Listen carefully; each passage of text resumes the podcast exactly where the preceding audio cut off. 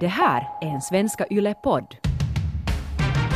Att vi har några riktigt sådana handfasta konkreta tips om man känner sig ensam, man vill ha nya vänner i vuxen ålder. Och det tycker jag att också att man ska komma ihåg för att de vänner som är mig närmast nu så kände jag typ inte för tio år sedan. Hanna, har du märkt en sak?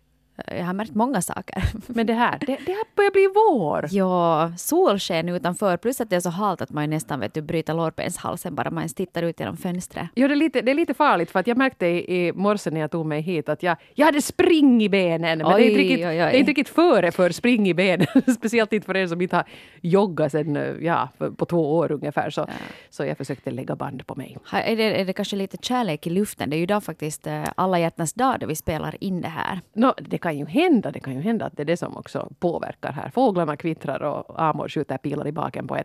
Det är alla hjärtans dag idag när vi spelar in det här. Jo, och, och vi spelar ju in det här helt för sent. Beklagar om någon saknade oss hemskt förra lördagen. Det, Ja. det blidde inte. Nej, det blev inte någonting och jag tror att alla som lyssnar på det här som har eh, barn i familjen så kanske vet att ibland så bara eh, kör allt ihop sig. Och jag var i princip hemma hela förra veckan. Det var flunsa och det var magsjuka och det var det ena och det andra. Så tyvärr så vi fick inte, fick inte ihop en podd eh, förra veckan men, men nu är vi tillbaka i alla fall. Mm, så beklagar, vi är tillbaka och om man får hemskt ledsamt efter oss någon lördag, om den går så här igen, så finns ju alla våra tidigare avsnitt faktiskt på Yle Arenan. Så man Ja. kan gå in och lyssna på ett gammalt. Ja, det här är faktiskt det tjugonde avsnittet så det finns nog Oh. eh, laidasta, laidasta laitan som de säger på inhem, det andra inhemska språket. Där Vi finns liksom alla borde ju- möjliga teman. Vi borde ju haft rosa bubbel eller någonting. Nej, vi, vi, ja, var är det? Dålig planering. Dålig Var är planering. vår producent? Ja. Nej men eh, faktiskt, eh, här sitter vi och kvittrar nu och och det ämne som vi ska diskutera i dagens avsnitt är ju eventuellt någonting lite, lite ledsamt. För en del människor är det här ju en, en tung grej. Ja. Eh, För andra inte alls. Ja, det blir lite extra påtagligt just eh, i och med alla hjärtans dag eller vändagen beroende på, på hur man ser på saken. Och jag fick åtminstone igår redan eh, meddelande av en väninna som var, hon är just liksom en frånskild mamma. Hon var ju så att, att hon tycker att det suger så hårt det här med, med alla hjärtans dag, att hon känner sig mer ensam än någonsin. Och, och jag tror att liksom, det är ju härligt att vet du, hänga med sin käresta och vet du, just dricka bubbel och hångla om man har någon sån. Men ifall man inte har någon partner och man kanske inte heller har någon stor bekantskapskrets eller ens vet du, några nära vänner, så då blir ju den där ensamheten extra påtaglig. eh, Just en sån här dag. Och, och därför tänkte vi att vi skulle ta och, och, och på något vis prata lite mera om just eh, ensamhet. För eh, det är någonting som vi alla har upplevt. Jag har åtminstone upplevt det i mitt liv många gånger. Kanske till och med just nu upplever jag en viss ensamhet. Så jag tror att det, det drabbar oss alla, men det är kanske inte så, så kul att komma ut med det här. För det, är ju, det känns ju lite, om du ser att du är ensam så, så signalerar du ju samtidigt att hej, att ja, ingen vill vara med dig. liksom att alla har dissat dig, det är därför du är Man är ensam. lite stackig. Ja, men Mm. lite stackig, ja. Lite repparna. Nej, men när, när kände du dig ensam senast? Eller varför känner du dig ens, ensam nu? Jag kan känna mig ensam eh, på det sättet. Jag trivs väldigt bra i mitt eget sällskap. Jag har inte på det sättet att jag behöver nu någon som ska hålla mig i handen och så här. Men, men jag kan känna mig ensam kanske ibland just när jag lever ensam med två barn. Att jag inte har någon annan vuxen att eh, dela livet med. Och, och speciellt kanske nu då man har varit hemma med sjuka barn i, i en vecka. Så vet du, du har ingen att tala med egentligen. Men däremot så har jag ju min fantastiska vän och granne Helena som, som egentligen är som vi är varandras partners. För vi hjälper till att skjutsa till skolan och, och hämta och vi lagar middag. hon har samma situation som du. Ja, hon har samma situation Precis. som jag. Så jag sa just idag, vet du, det är alla hjärtans dag, att "Nej, men hej, att kom hem till mig, att, att vi fixar lite mat och lite, kanske rosa bubbel på det. Att Det är man- jättebra. men liksom att, att, att det kan nog vara ganska ensamt att liksom dra hela det där lasset själv. Och sen att du inte har liksom riktigt det där. Men lyckligtvis så är jag omgiven ändå av fantastiska vänner och, och kollegor och, och familj och sådär. Så att jag ska nu inte sitta här och, och marra något desto mer. Och jag är ju kanske i den här situationen nu att, att ensamhet är en sån här lyxvara som jag, som jag lite går och längtar efter. Det är ju ver- verkligen och, och, som, som jag skulle sitta och skryta här nu med. Jag menar, jag är nästan aldrig ensam. Jag har ju alltid bebisen med. Han är ju ett sällskap på, på sitt eget lilla bedårande sätt. Men han är lite dålig nu på att om man nu får ett grymt behov att diskutera världsläge med någon så, så är hans analys ganska sådär... Ja, det- den, är, den är lite svår att uppfatta Det ännu. är lite svår, ja. Han har Men- nog säkert mycket att påstå. Så det som vi ska prata om här idag är ju kanske då uttryckligen ofrivillig ensamhet. För, för många av oss är också ensamhet någonting ganska, ganska trevligt. Då när man liksom kan välja att portionera ut den på, på lämpliga sätt. Mm. Men ensamhet är, det är ju inte liksom det där att du är ensam i en timme eller två. Det är ju den här så kallade egentiden. Att, Oh. att ensamhet är nog kanske ett, ett längre varande tillstånd som du inte själv har valt och som gör dig ledsen. Och att du kanske önskar en förändring eh, på den här ensamheten. Precis. Och vi har fått in igen eh, väldigt många, väldigt välskrivna, jag är alltid lika imponerad när era brev rasslar in, och eh, väldigt olika sinsemellan eh, berättelser om ensamhet. Och eh, jag låter ju som en grammofonskiva som har hakat upp sig. Vi kommer inte att hinna läsa upp alla brev Ja. här idag, men lite flera kommer att dyka upp i en artikel på svenska.yle.fi. Så tack till er som har hörsammat vår vädjan om berättelser om ensamhet. Hörsammat vår vädjan. Varför pratar jag så här? Det var fint. Det är, det är grammofonskivan. Rudebergsdagen for en och här sitter jag och till skanderar. 1937. Hallå, hallå! I don't get out, out much. Nej men faktiskt alltså det var det, det är härligt att, att få in så många brev. Det är givetvis eh, lite kanske ledsamt tema på det sättet men, men vi finns ju här och, tillsammans så är vi ju mindre ensamma. Och, och det kommer alltså brev från många olika ålderskategorier, må- Mm. många olika livssituationer och också mycket mm, ja, vet du, sådär, spridning vad ska jag säga, socialt och regionalt. Så, så vi kör igång bara. Okej, ska vi börja med, med morsan 53 då här? Yes. Pang på, som skriver så här. Jag och min familj har flyttat runt en del. Vi bodde också utomlands i två år och nu bor vi i en liten by i Österbotten där vi inte kände någon från förr. Det som märks när man som vuxen kommer in i ett samhälle är att alla redan har sina kompi, kompisgäng som de är vana att hänga med. Par har sina kompispar som de äter middag med, tjejer har sina gäng som de gör saker med när de behöver komma hemifrån. Där sitter man då utan parkompisar, utan tjejgäng och undrar var man riktigt ska börja. För mig hjälpte det att gå med i föreningsverksamhet och engagera mig i byn på olika sätt. Skaran av bekanta har ökat en hel del på fem år, men att få en eller flera goda vänner det känns nog svårt. Jag antar att det nog tar en längre tid och kräver att man verkligen bjuder på sig själv. Ibland känns det övermäktigt. Till all lycka så har jag jämnåriga svägerskor som hänger med på bio och konserter till exempel. De snart vuxna barnen är också bra sällskap. Kanske man inte ska kräva så mycket. Vänskap kanske inte alltid kommer i den skepnad man först har tänkt sig. Hmm. Morsan 53 var det alltså som skrev så. Jag tror att det är ganska många som känner igen sig just i den där livssituationen där du flyttar till ett annat ställe och, och får nya vänner. För att många vänskapsband så knyts ju faktiskt just i, under kanske barndomen eller studietiden eller på, via jobbet. Och, och sen då du får till ett nytt ställe där du inte känner någon så det är ganska svårt att börja om på nytt och vet du, komma in. Jag kan tänka mig speciellt att som hon skriver att flytta till en eh, liten by i Österbotten. Att där har gänget känt varandra vet Ja. du, sen barnsben. Att det kan nog vara svårt att sen att komma in. Och det kan också vara så att fast, fast ett sånt här tjejgäng skulle, skulle öppna upp och säga men att häng med, att eh, vi ska dricka lite chardonnay. Och, och, och, och så, så är alla jokes är väldigt så här eh, inside som de känner till och, och att man kan känna sig ganska utanför. Då kanske man måste börja med att bli vän med, med en person och sen se om man kan utöka det därifrån. Men jag förstår mycket väl att det är komplicerat. Men kanske en liten hälsning också till alla er som kanske bor då redan i den här lilla byn och så kommer det den här utbölingen eh, till byn. Att kanske ni också öppnar dörren då, vet du, värma kaffepannan också för den här nya personen. Att det kan man ju, vi kan ju alla liksom också vara de här människorna som inkluderar en ny person i våra redan ganska inrutade vanor. Ja, precis. Och så är det ju nog ibland också så att man, om man har ett sånt här gäng, man kan ju bli lite trött på dem. Det kan ju vara helt intressant. Alltså, Ja, du- du har man hört de där samma Man grejerna har hört liksom, samma ja. story. Och man är så att jag vet att din man är jobbig och jag vet att dina barn är truliga. Det skulle vara helt roligt att liksom få in lite nya fläktar. Så också du som inte känner dig ensam alls kanske skulle kunna sådär, ställa dig positiv till nya bekantskaper. Mm. Absolut. Och sen också just det här förstås också att man eh, tar egna initiativ som morsan 53 också skriver här vet du engagera sig i föreningsverksamhet eller i olika happenings på ställen där man bor. Exakt. Ja, inte kan du skada i alla fall. Ja.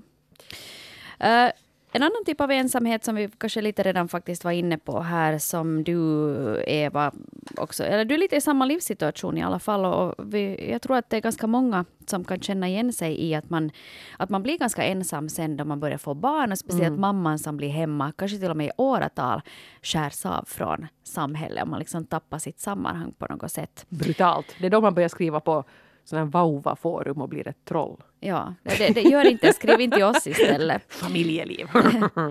här är signaturen mamma till två 29 år som skriver så här. Jag är hemma med våra barn som är två och ett halvt år och ett halvt år. Det finns föräldrar-barngrupper, men jag hinner inte. Jag är ensam hemma med barnen under veckorna och för att själv få vardagen att rulla orkar jag inte gå på träffarna. Och då blir man ju förstås ensam. Klart jag har mina vänner och kan chatta med dem, men det där face to face försvinner. Jag är dock tacksam för sociala medier där jag kan slänga iväg en kommentar eller annat och man tappar inte bort vännerna. Och barnen blir ju förstås större och då får man mera fri, frihet och mera tid. Men för tillfället så saknar jag arbetslivet och tiden innan barnen då man bara kunde hänga med sina vänner och göra vad man ville. Även om livet såklart är nice nu också. Alltså det, är så, det är så underligt för att det här skulle jag ha kunnat skriva ordagrant för ja, för tio år sedan. Hon är 29, jag är, jag är inte. Men alltså precis den här situationen har jag varit med om. Uh, det gick nämligen så för mig att, att när jag fick uh, mitt första barn så var jag hemskt tidigt ute i vårt gäng. Det var inte just någon annan. Som, det var en annan som hade barn och hon bodde uh, i Borgå så att hon var ganska långt borta. Och då var liksom hela det här umgänget var uppbyggt på ett annat sätt. Vi hade studerat. Allt hängde på det här man kunde gå och ta en öl och man gick ut och festa på veckosluten och man gick och ställde sig i någon nattklubbskö klockan halv tolv och det var liksom sådär. Mm. halv tolv var liksom sådär typ morgon för mig. Ja. men, men, att jag var liksom helt i otakt med mina vänner. Jag hade inte tappat bort dem och det var inte så att de skulle ha tappat intresse för mig och jag skulle ha tappat intresse för dem. Men vi, var, vi levde så olika liv helt enkelt. Och då slog det mig ganska sådär hårt att oj tusan vad ensam jag är. Och eh, sociala medier fanns ju nog så vi skrev ju till varandra men vi sågs ganska lite. Och så försökte jag ju också gå till de här mammagrupperna. Och det var nog bara inte min grej. Alltså. Nej, inte min. Jag försökte faktiskt också med de här mammagrupperna med det här första barnet. För jag tänkte att det är sånt här som hemma, hemmamamma gör. Men jag visste att, att liksom, det är svårt att hitta människor som du synkar med. Och bara det att du har fått barn samtidigt gör ju inte att du på något vis då bondar. Eh, det var liksom präktiga mamman som kom med några äckliga minigripppåsar med puré som hon har lagat själv och ja. truga i. Nej, och där var, där var de som liksom var kompisar och hade gått dit tillsammans och satt lite sådär överseende i ett hörn och mm. drack sitt kaffe och tittade på oss andra som vi skulle vara någon sorts cirkusapor. Och det var liksom sån där, säkert var det helt trevliga människor och man skulle säkert ha kunnat bli, hitta kompisar där. Men det kändes nog bara som en... Ja, men bara för att man har barn så har man ju kanske inte nödvändigtvis något annat gemensamt. Mm. Så då tänkte jag nog att jag väntar hellre på de, mina riktiga vänner. Ge det tio år. ja, de kommer nog tillbaka. Ja. Jag sitter här ja. med köpepurén och väntar. Ja. Men, det, men det är nog svårt det där alltså, för att jag, förstår det speciellt just att om du har två barn här som det är bara två års åldersskillnad mellan de här barnen, alltså nu är det ju, det är ju vet du bara, det är ju bara vet du, som att hoppa, gå plankan från ett skepp och så ligger du där då sen med din simring vet du, i några år och försöker bara hålla näsan ovanför oh, vattenytan. Hallå, är det någon Oj, där? en haj, hej! Eller, eller som i Titanic, come back, come back! Du ser vet du livbåtarna fara iväg någonstans. Ah. Den lilla visselpipan. Tut, tut. ja, så, så på det sättet kanske också så när mamma 29 år skriver här vet du, att, att barnen blir ju större och sen förstås också då det kommer in dagis och sånt här till bilden så, så då kan man ju återgå till arbete. Och det är det där som jag tror att det är, är liksom viktigt också att man kommer ihåg att vi behöver ju använda våra hjärnor det här, mm. och liksom ha ett socialt umgänge med andra vuxna människor. Ja, jag menar första barnet jag var hemma ett och ett halvt år, det var ett halvt år för länge. Vi klättrade alla på väggarna. Precis. Vet du, att man kanske, att det inte är något fel på det heller sen, att du kanske sätter barnet på dagis då lite tidigare och så, så går du tillbaka till arbetslivet om du känner att det är det du behöver. Att inte, inte behöver man sitta där hemma liksom och laga, göra långkok, ekologiska långkok i tre år bara för att de säger det på vauva.fi. Nej, det är helt sant. Men jag minns också det som hände i den här situationen var ju sen att när Jonas, min man, kom hem från jobbet Så då var jag ju så svältfödd på, på sällskap så jag var så att hej, vad ska vi hitta på? Nu ska Ja. vi prata, nu ska vi umgås. Och Han var lite trött och så att, kan, kan inte jag få sätta mig med babyn här nu och titta på Star Trek liksom, Ja. och vara i fred och ha lite fritid. Jag var så att nej! Stimulera mig Ja. intellektuellt! Säg någonting, berätta, vad åt du till lunch? Det blev ju liksom en sån här jobbig situation. Mm. Nu är jag ju mammaledig igen och nu har jag liksom ett helt annat upplägg för det här. Till exempel kommer jag ju hit och pratar med dig en gång i veckan och jobbar lite och, och har ganska mycket på, på gång. Och det är ju inte säkert en lösning som funkar för alla. Till exempel den här mamman som skrev till oss här sa ju att hon hinner inte. Eh, all respekt för det. Det, det är ju helt, alla, alla har ju olika situationer, olika barn och olika, det tar olika lång tid att ta sig till olika platser och så här. Men, men eh, för min del så funkar det nog himla bra att göra grejer och liksom inte gå in i den här föräldraledigheten så här till 100 procent. Mm. För då skulle jag börja klättra på väggen, precis som du gjorde. Mm, precis. Eh, vi pratar idag alltså om eh, ensamhet och det är ganska många av er också som har skrivit in om eh, hur det känns att vara ensam fast man inte är det. Precis, till exempel signaturen S34 som bland annat skriver så här. Den tyngsta ensamheten jag har upplevt har varit i parrelationer. Då en annan människa sitter bredvid mig men mentalt känns hen långt borta. Då riktiga band, gemenskap och förståelse saknas. Det är den djupaste ensamhet jag har känt. Bra poäng alltså. Ja, och det där tror jag nog att ganska många kan nicka igenkännande åt. Fast du fysiskt har någon där Ja. så betyder det inte att du egentligen har sällskap. Och det är nästan ännu sorgligare på det sättet. Att du, Ja. att, du liksom, att du har den här personen här. Och kanske att man har varit supertight i något skede. Man har ändå valt att liksom mm, flytta ihop och dela sitt liv. Så i något skede har man ju tyckt att den andra typen är helt supermorjans. Mm. Eller så är det det att man tycker att allt, när man är kär i någon så är ju allt den gör intressant. Mm.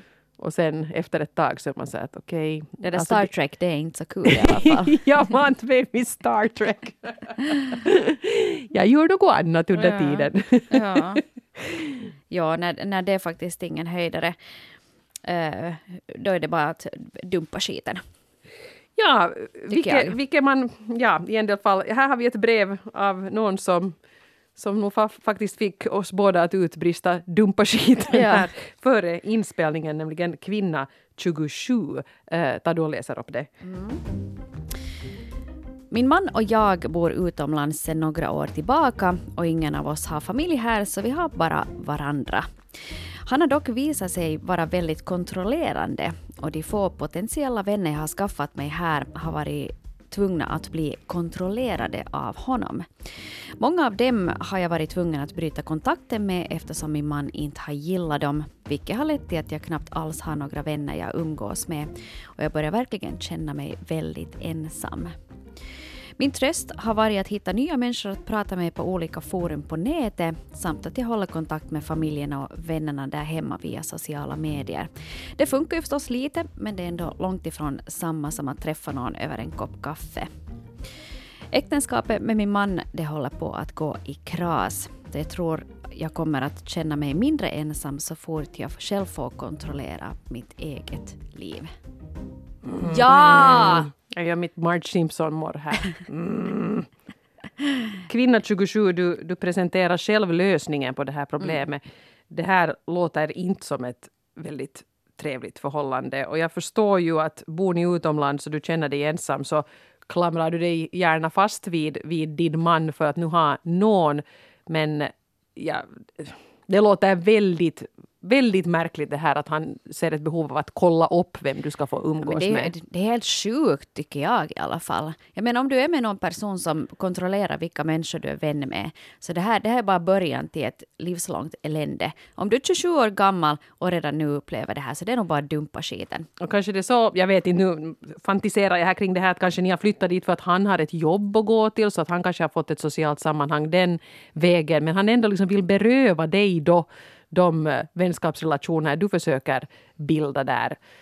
Nej, det, Nej. det där kommer inte att funka. Nej, Det, hej då. du är värd bättre och jag tror alldeles säkert att du kommer att hitta massa nya vänner Ja. så fort du känner den där friheten. Ta in de här två orden i din vokabulär. Adios motherfucker. och så kör du på det. allt ordnar sig nog sen ännu. Och det kan vi faktiskt, eh, kan Berit, 58 också, intyga.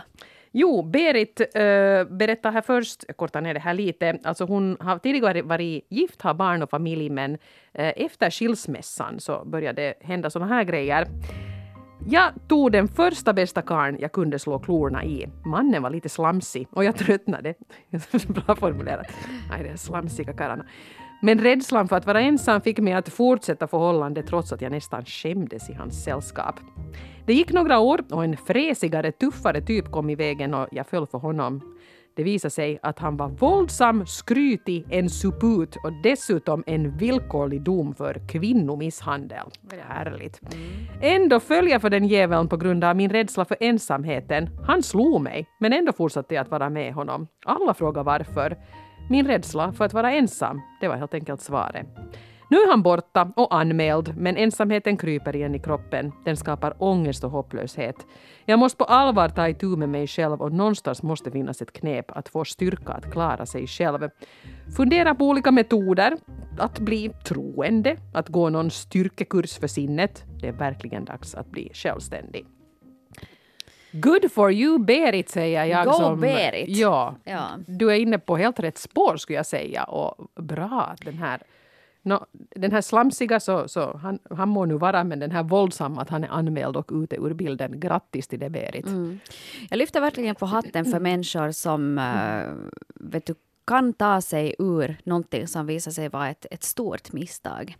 Och där att jag kan förstå det där, man, det ofta kan det vara de här charmiga typerna, så att man faller lätt för dem och man tänker att "Nå, men, vet du, det här är nu bättre än, än ingenting. Men jag menar, om det börjar gå just här att man blir kontrollerad, till och med att du blir misshandlad, Ja, gud nej. så, så vad heter det, det finns ju bara en väg ut ur det. Eller det finns egentligen två.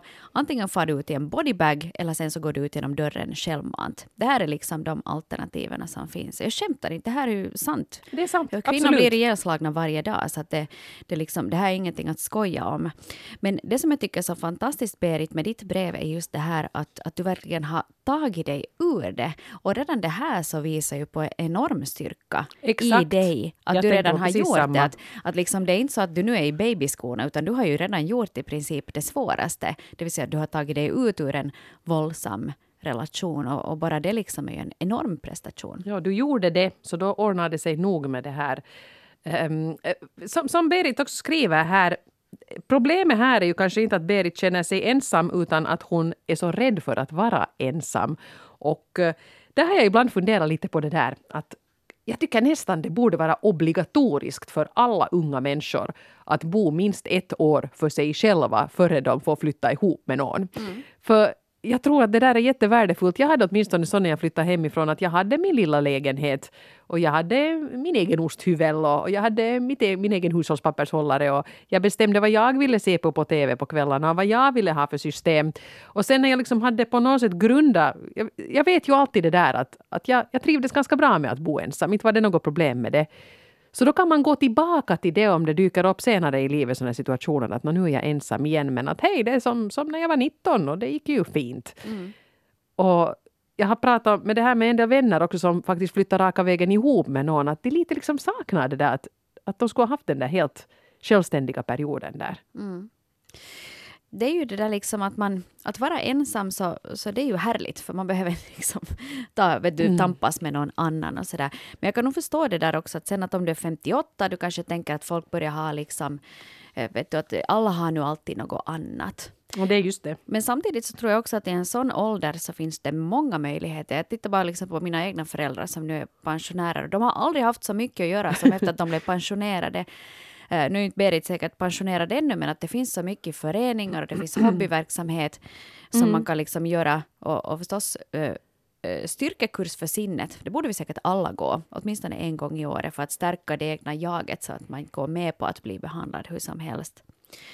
Sen det här med att bli troende, det är kanske inte någonting man, man gör sådär helt hux flux men För att få kompisar. Ja, men, Ja. men faktiskt alltså församlingar och, och religiösa samfund, det är om någonting ju ett ställe var, man, var det finns folk för den som känner sig ensam, så det är ju inte ett dåligt tips. Nej, och sen att där finns ju också mycket verksamhet och en, en stor sammanhållning också inom, inom vad heter det, religiösa sammanhang.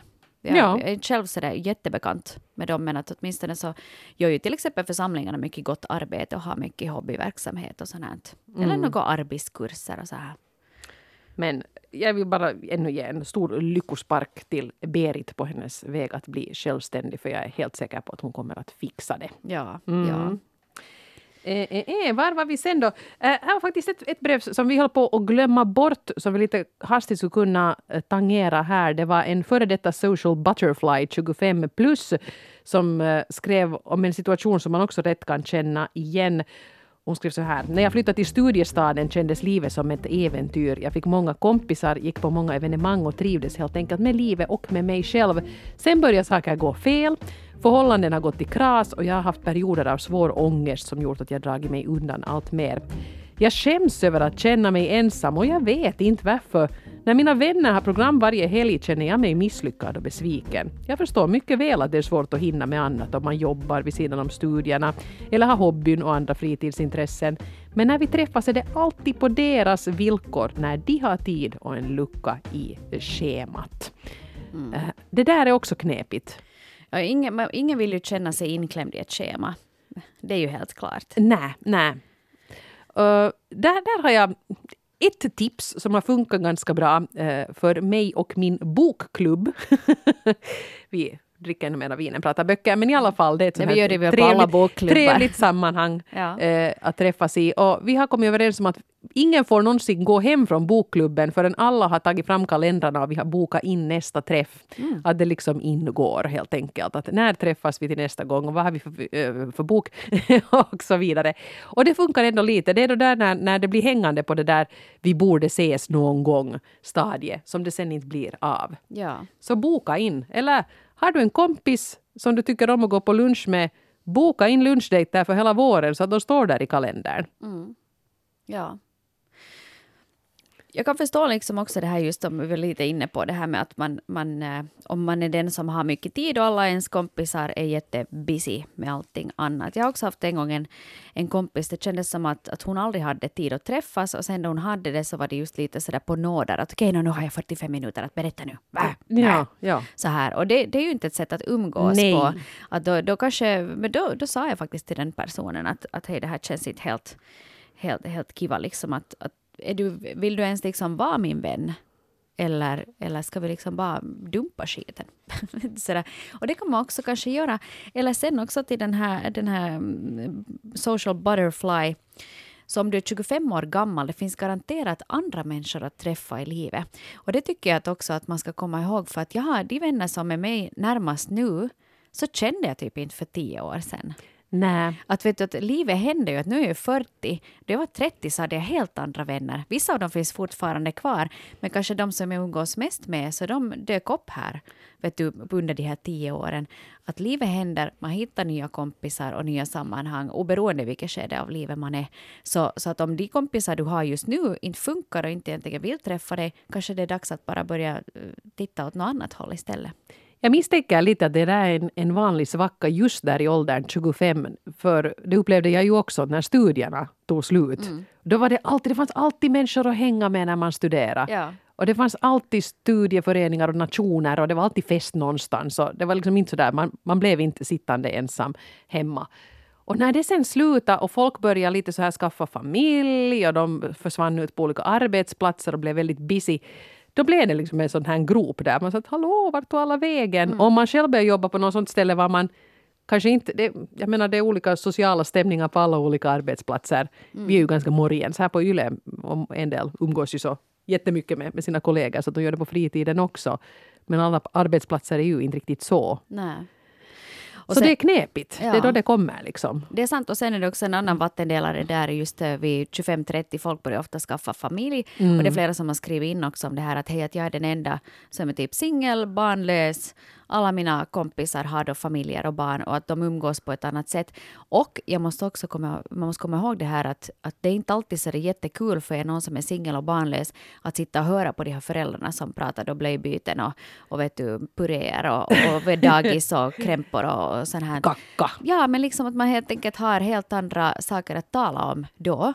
Och ibland kanske det kan, man kan till och med ta en paus från den vänskapen i fem år tills de där barnen har blivit större och de där föräldrarna kommer tillbaks. Mm. Uh, att det kanske man också kan göra, att det behöver inte vara liksom kört forever på det viset. Och andra sidan av det är att, att man också kan bli så där om man har en bebis, vilket jag till exempel har, så det är väldigt vanligt att folk primärt vill diskutera med mig i egenskap av mamma. Så det är liksom som att allt det här att jag också är ja, Eurovisionsmänniska, och jag är deckarförfattare och jag är lite allt möjligt sånt Det som allt det skulle liksom lite ha, ha dalat ner för nu är jag mamma så nu frågar, frågar folk nu främst att att sover han bra och har magen funkar? Yeah.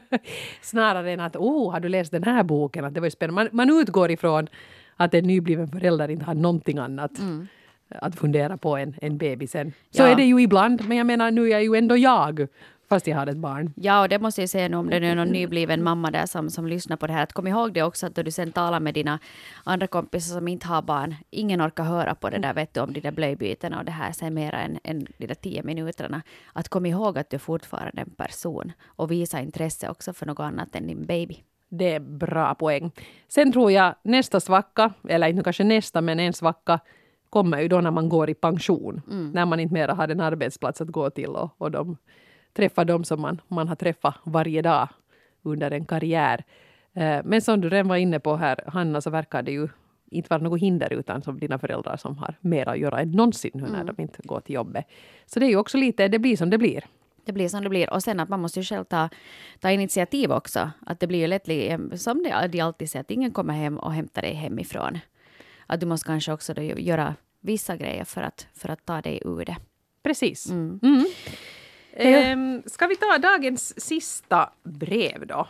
Som ja. kommer från Lisso. Ja, vi skulle kunna ta och, och vad heter det, mm, titta på det här lite ännu ur en annan synvinkel, nämligen det här med att vara ensam är inte nödvändigtvis någonting dåligt, utan det kan också vara ett tillstånd som man egentligen trivs med ganska bra. Och Lisso 38 hon skriver så här.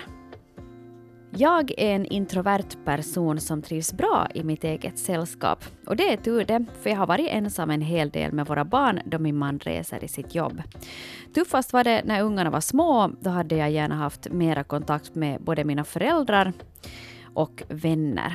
Men eh, ingen verkar riktigt ha tid att umgås. Då var jag 20 plus och nu närmar jag mig 40. Nu är jag oftast riktigt nöjd med att få vara för mig själv. Vänner kan jag sakna, de bor långt borta och vi träffas väldigt sällan. Men jag har lite tips. Känner man sig ofrivilligt ensam så kan man fast skaffa en hund. Sedan vi fick vår yrke så har jag lärt känna en massa nya människor. Sjunga kör är också trevligt och det ska jag göra om några år har jag tänkt. Men kom också ihåg att tycka om ditt eget sällskap. Att vara för sig själv kan ju också betyda frihet. Fint. Mm. Fint formulerat där, Lisso. Um, jag tycker när, vi, när jag tittar på de här breven vi har diskuterat här idag att, att vi har några riktigt sådana handfasta konkreta tips som jag har försökt lista här nu. Om man känner sig ensam, man vill ha nya vänner i vuxen ålder. Så nämndes föreningar och församlingar. Ja. Det, ja, det är lite nördigt men jag tror att det är jätte, jättebra. Ja, ja. och roligare än vad man kanske tror först. Arbetskursen och sånt här. Ja, körer. Körer, jättebra. Hobbyer. Eh, sociala husdjur. medier. Ja, husdjur mm. eller barn. Ja. För det är ju då när, det är säkert du också och Helena säkert, så skulle ni inte haft barn båda två så skulle ni kanske inte ha, ha hittat varandra men det var via skola ja. och så här som det, det blev.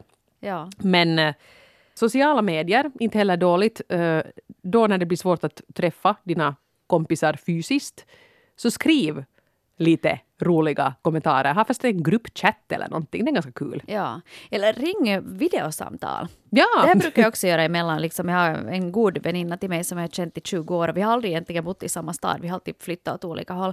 Men vi brukar ringa så här videosamtal emellan och det är, ju, det är ju som att träffas personligen. Det är din cyberkompis. Ja, ja, men du kan ja. göra det liksom och sen att du känner varandra bra så funkar det helt, helt bra det också.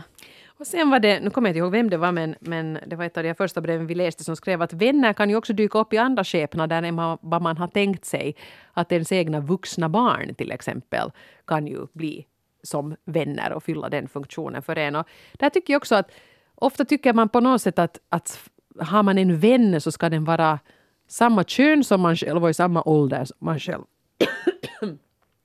och i samma ålder som man själv. Men det är ju lite på något sätt gammalmodigt att tänka så. Mm. man kan ju bra bli vän med någon som är betydligt äldre eller betydligt yngre. Det är ju bara det att det synkar som gäller. Ja.